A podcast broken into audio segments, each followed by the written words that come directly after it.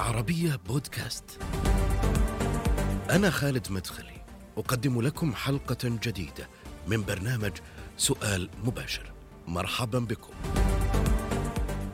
مع إعلان السعودية قصر أداء الحج هذا العام على المواطنين والمقيمين في الداخل هل سيغير ذلك من شكل الحج والعمرة وإجراءاته في السنوات القادمة؟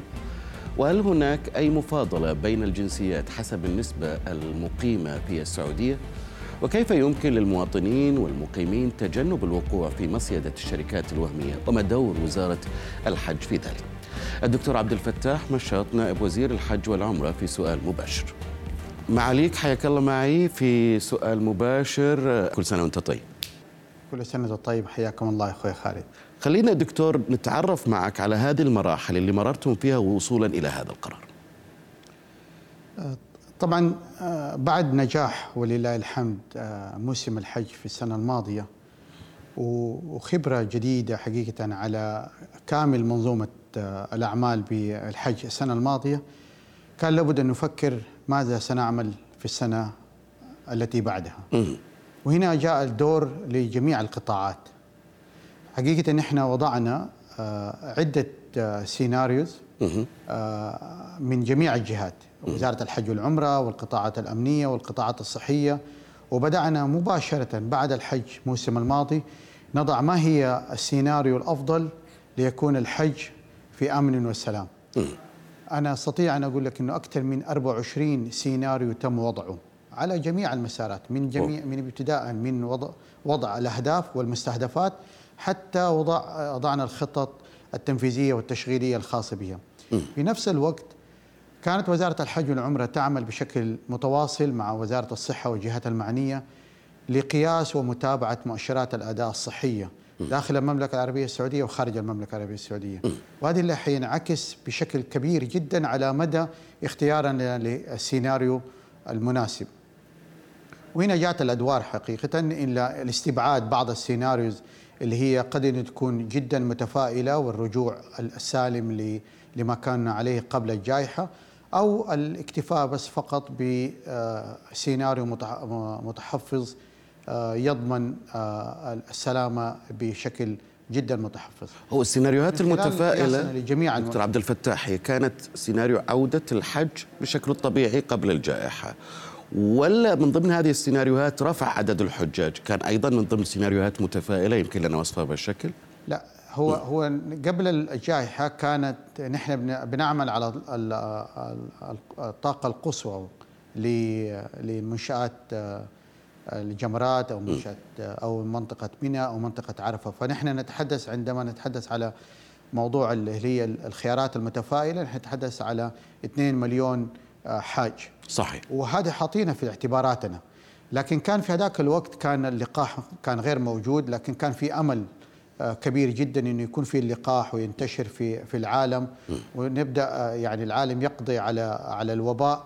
لكن من خلال تجربتنا حقيقة السابقة والدقيقة لمتابعة جميع المؤشرات الصحية كان لابد إنه يتخذ قرار بإنه يكون آه، الإنسان وصحة الإنسان هي اولا. وهذا المبدأ اللي بدأت به حكومة المملكة العربية السعودية عندما بدأت بتعليق العمرة ثم العودة مرة أخرى بالتدرج في العمرة. نفس المبدأ طبقناه على الحج ونحن الآن حقيقة في نموذج جدا ممتاز تتشارك فيه جميع القطاعات ليكون المستهدف النهائي أن يكون أقل قدر ممكن من الإصابات بوباء كورونا بالرغم من وجود حقيقة انتشار كبير جدا للقاحات داخل المملكة العربية السعودية. جيد. العام الماضي كان عدد الحجاج تقريبا 10000 أو أقل. أه اليوم اتخذتم القرار بأن العدد سيرتفع إلى ستين ألف.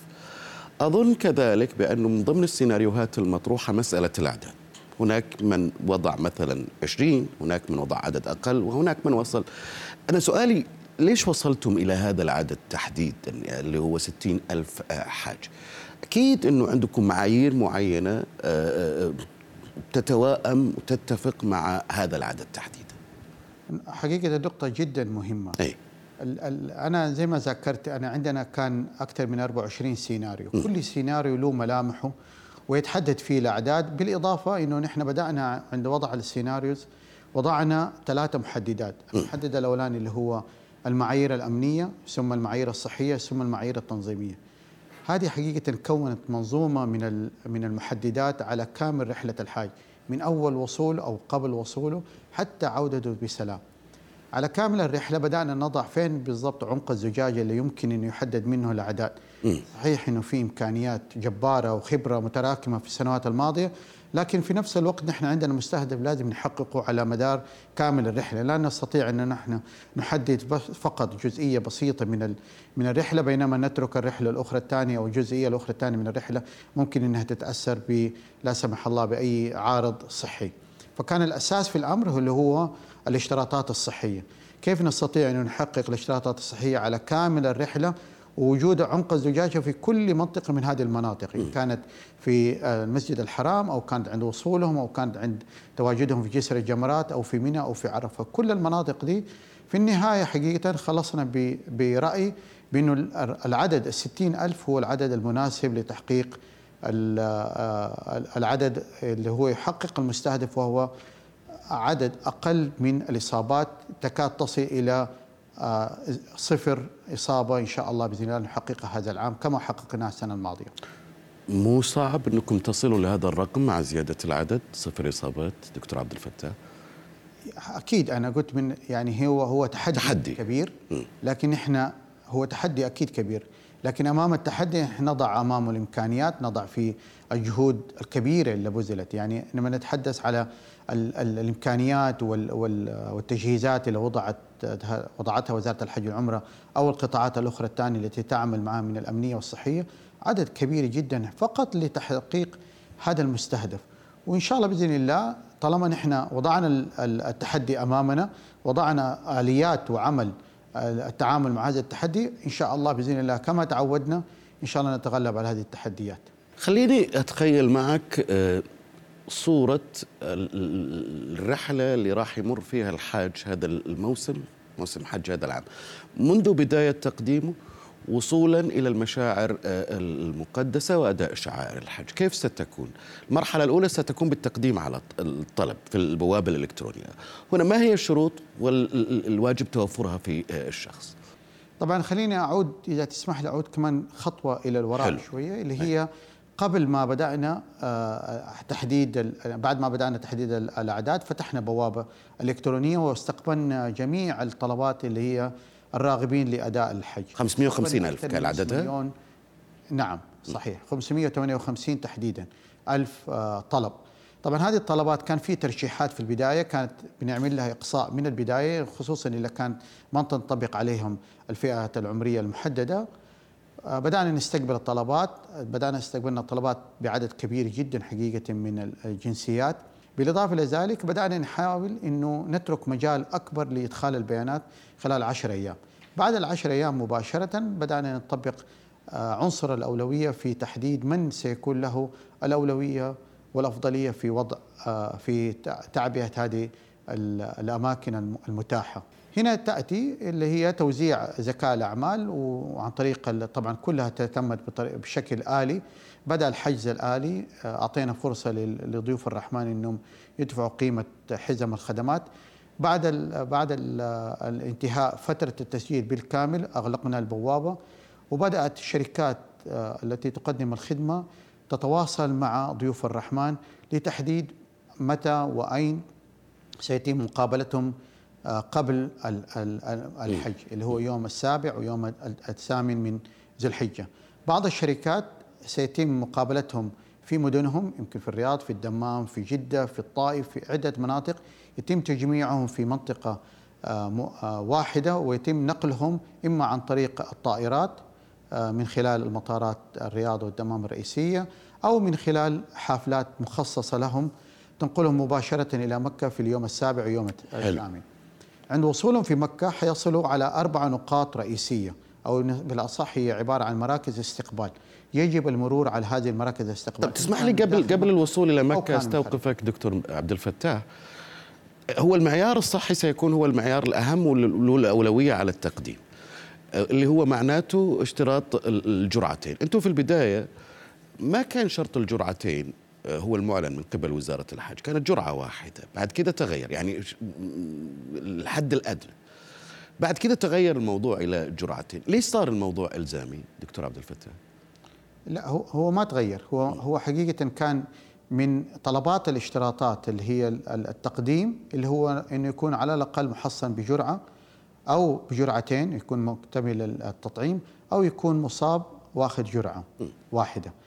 ليش نحن حقيقة بعد ما طلبنا ال ال إنه بعد القبول طلبنا إنه ياخذ الجرعة الثانية؟ لأنه إذا طلبنا من جميع ال 558 أخذ الجرعة الثانية سيكون عدد كبير جدا لا يمكن لهم أخذ الجرعة الثانية وخصوصا إن هي الجرعة الثانية مجدولة. كان لابد إنه نحن ننتهي من كامل التسجيل وبدأنا نركز على الستين ألف فقط حاجة اللي هم تم قبولهم وحصولهم على التصاريح الآن بدأنا نفرزهم. بدأنا نقول مين من هؤلاء الستين ألف حصل على جرعة واحدة؟ هنا الآن صار التنسيق بيننا وبين وزارة الصحة أنه من غير موعد مسبق من غير أي آه، حقيقة ارتباط بمركز محدد يذهب لأي مركز من المراكز يظهر التصريح ومباشرة يأخذ اللقاح الثاني.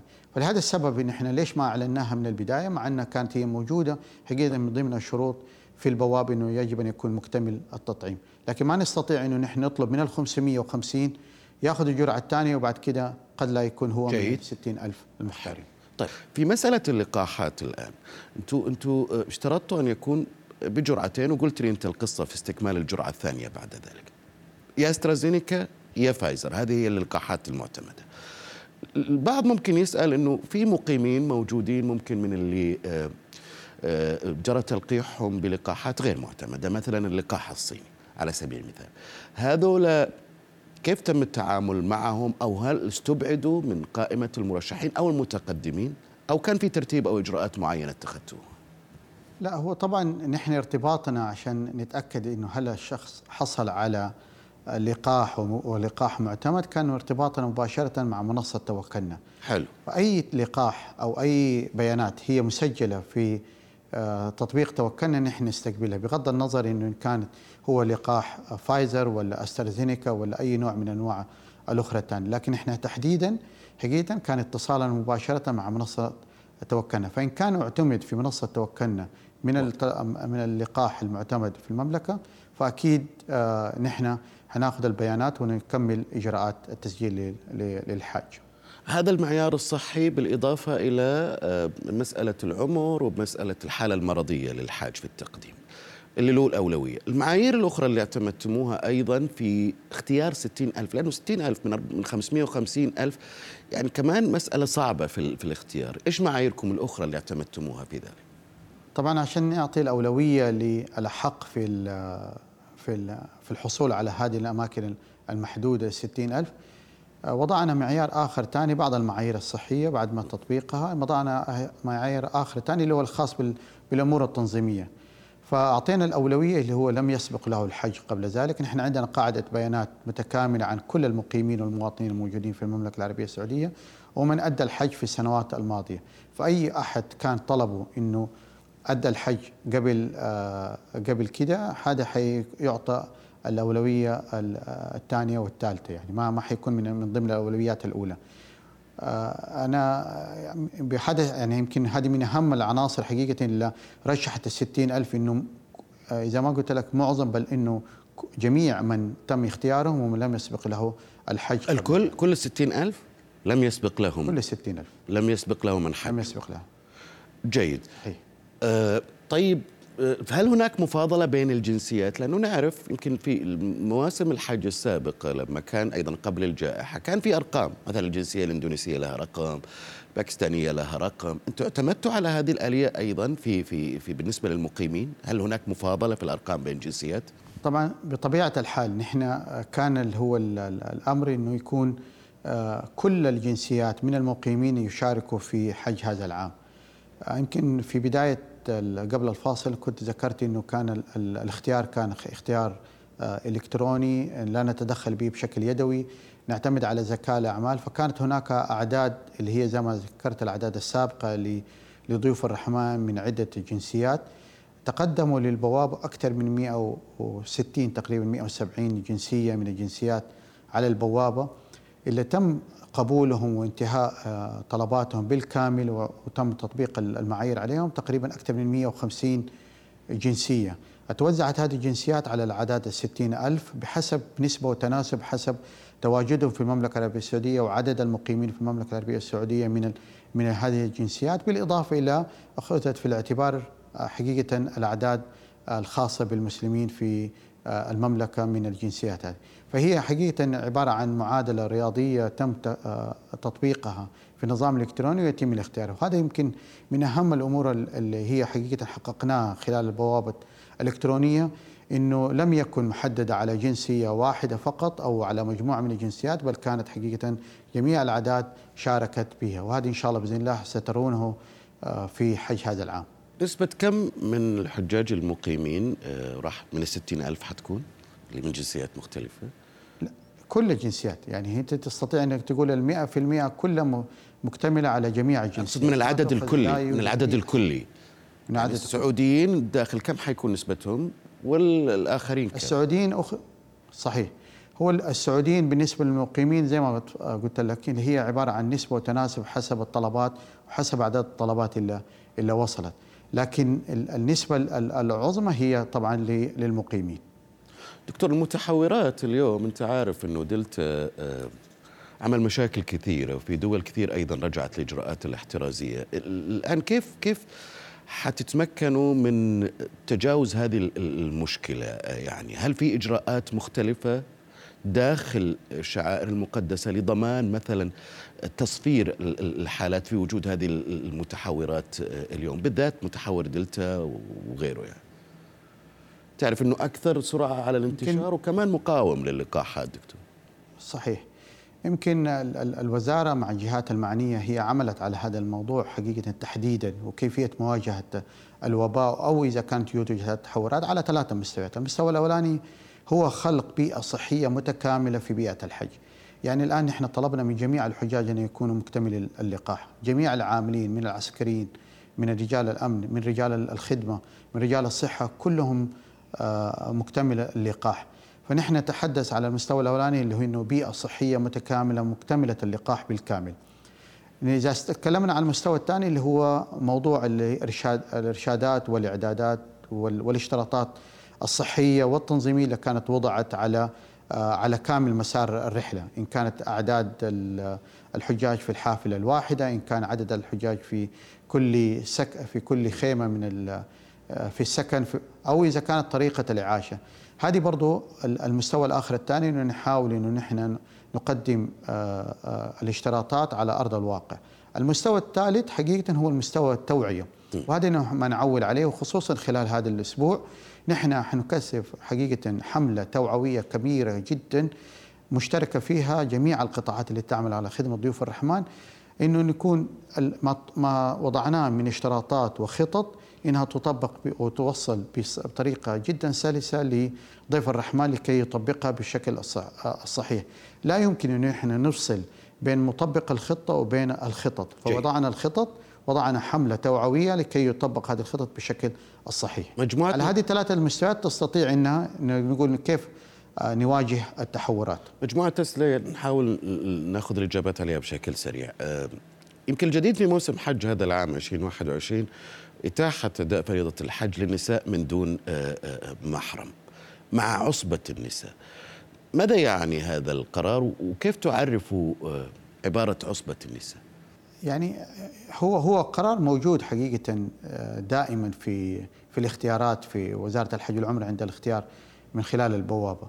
ونترك الخيار حقيقة للحاج إما أن أن يضيف محرم وهي هذه ما طبقناه هذه السنة أو يكون مع عصبة من النساء. المقصود من عصبة النساء هو الرفقة الآمنة آه، مع مجموعة من السيدات. الآن يعني يمكن طبيعة الحج مختلفة عن ما كان في في العصور السابقة. الآن يعني حقيقة الطريق آمن السكن آمن.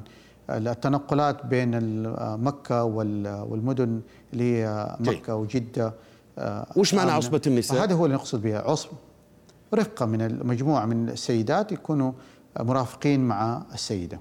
أصدرتم تحذير من الشركات الوهمية. الآن المواطن أو المقيم كيف وش تنصح وكيف ممكن يتجنب الوقوع في هذه المصيدة مصيدة الشركات الوهمية؟ والله حقيقة في الحج تحديدا هذه السنة يمكن أكاد أني أجزم أنه تقريبا الحملات الوهمية اختفت تماما. يعني حتى ليس لها ذكر إلا في مرا في منصات التواصل الاجتماعي وهي عددها جدا بسيط. السبب الرئيسي حقيقة اللي هو التوعية عند المجتمع. الآن المجتمع واعي بما فيه الكفاية إنه يعرف يميز الصواب من الخطأ. الآن يستطيع إنه من خلال بوابة وزارة الحج والعمرة. جيد. ما دام ما دام جميع الموضوع أنتم تجزمون بانه المسألة مختلفة اليوم ليش أصدرتم هذا التحذير طيب؟ تحذير اللي هي عدم التعرض للشركات الوهمية وأنه كمان ما يوقعوا في المصيدة. هي هي الشركات الوهمية اللي ظهرت في الفترة الأخيرة زي ما ذكرت أنا هي محدودة وما زالت أنا أقول محدودة في مراكز في منصات التواصل وهي تختص حقيقة بعملية نقلهم من مدنهم لمكة المكرمة وليس للمنتظمين. يعني أنا ما الشركات الوهمية هي ليست للحج المنتظم.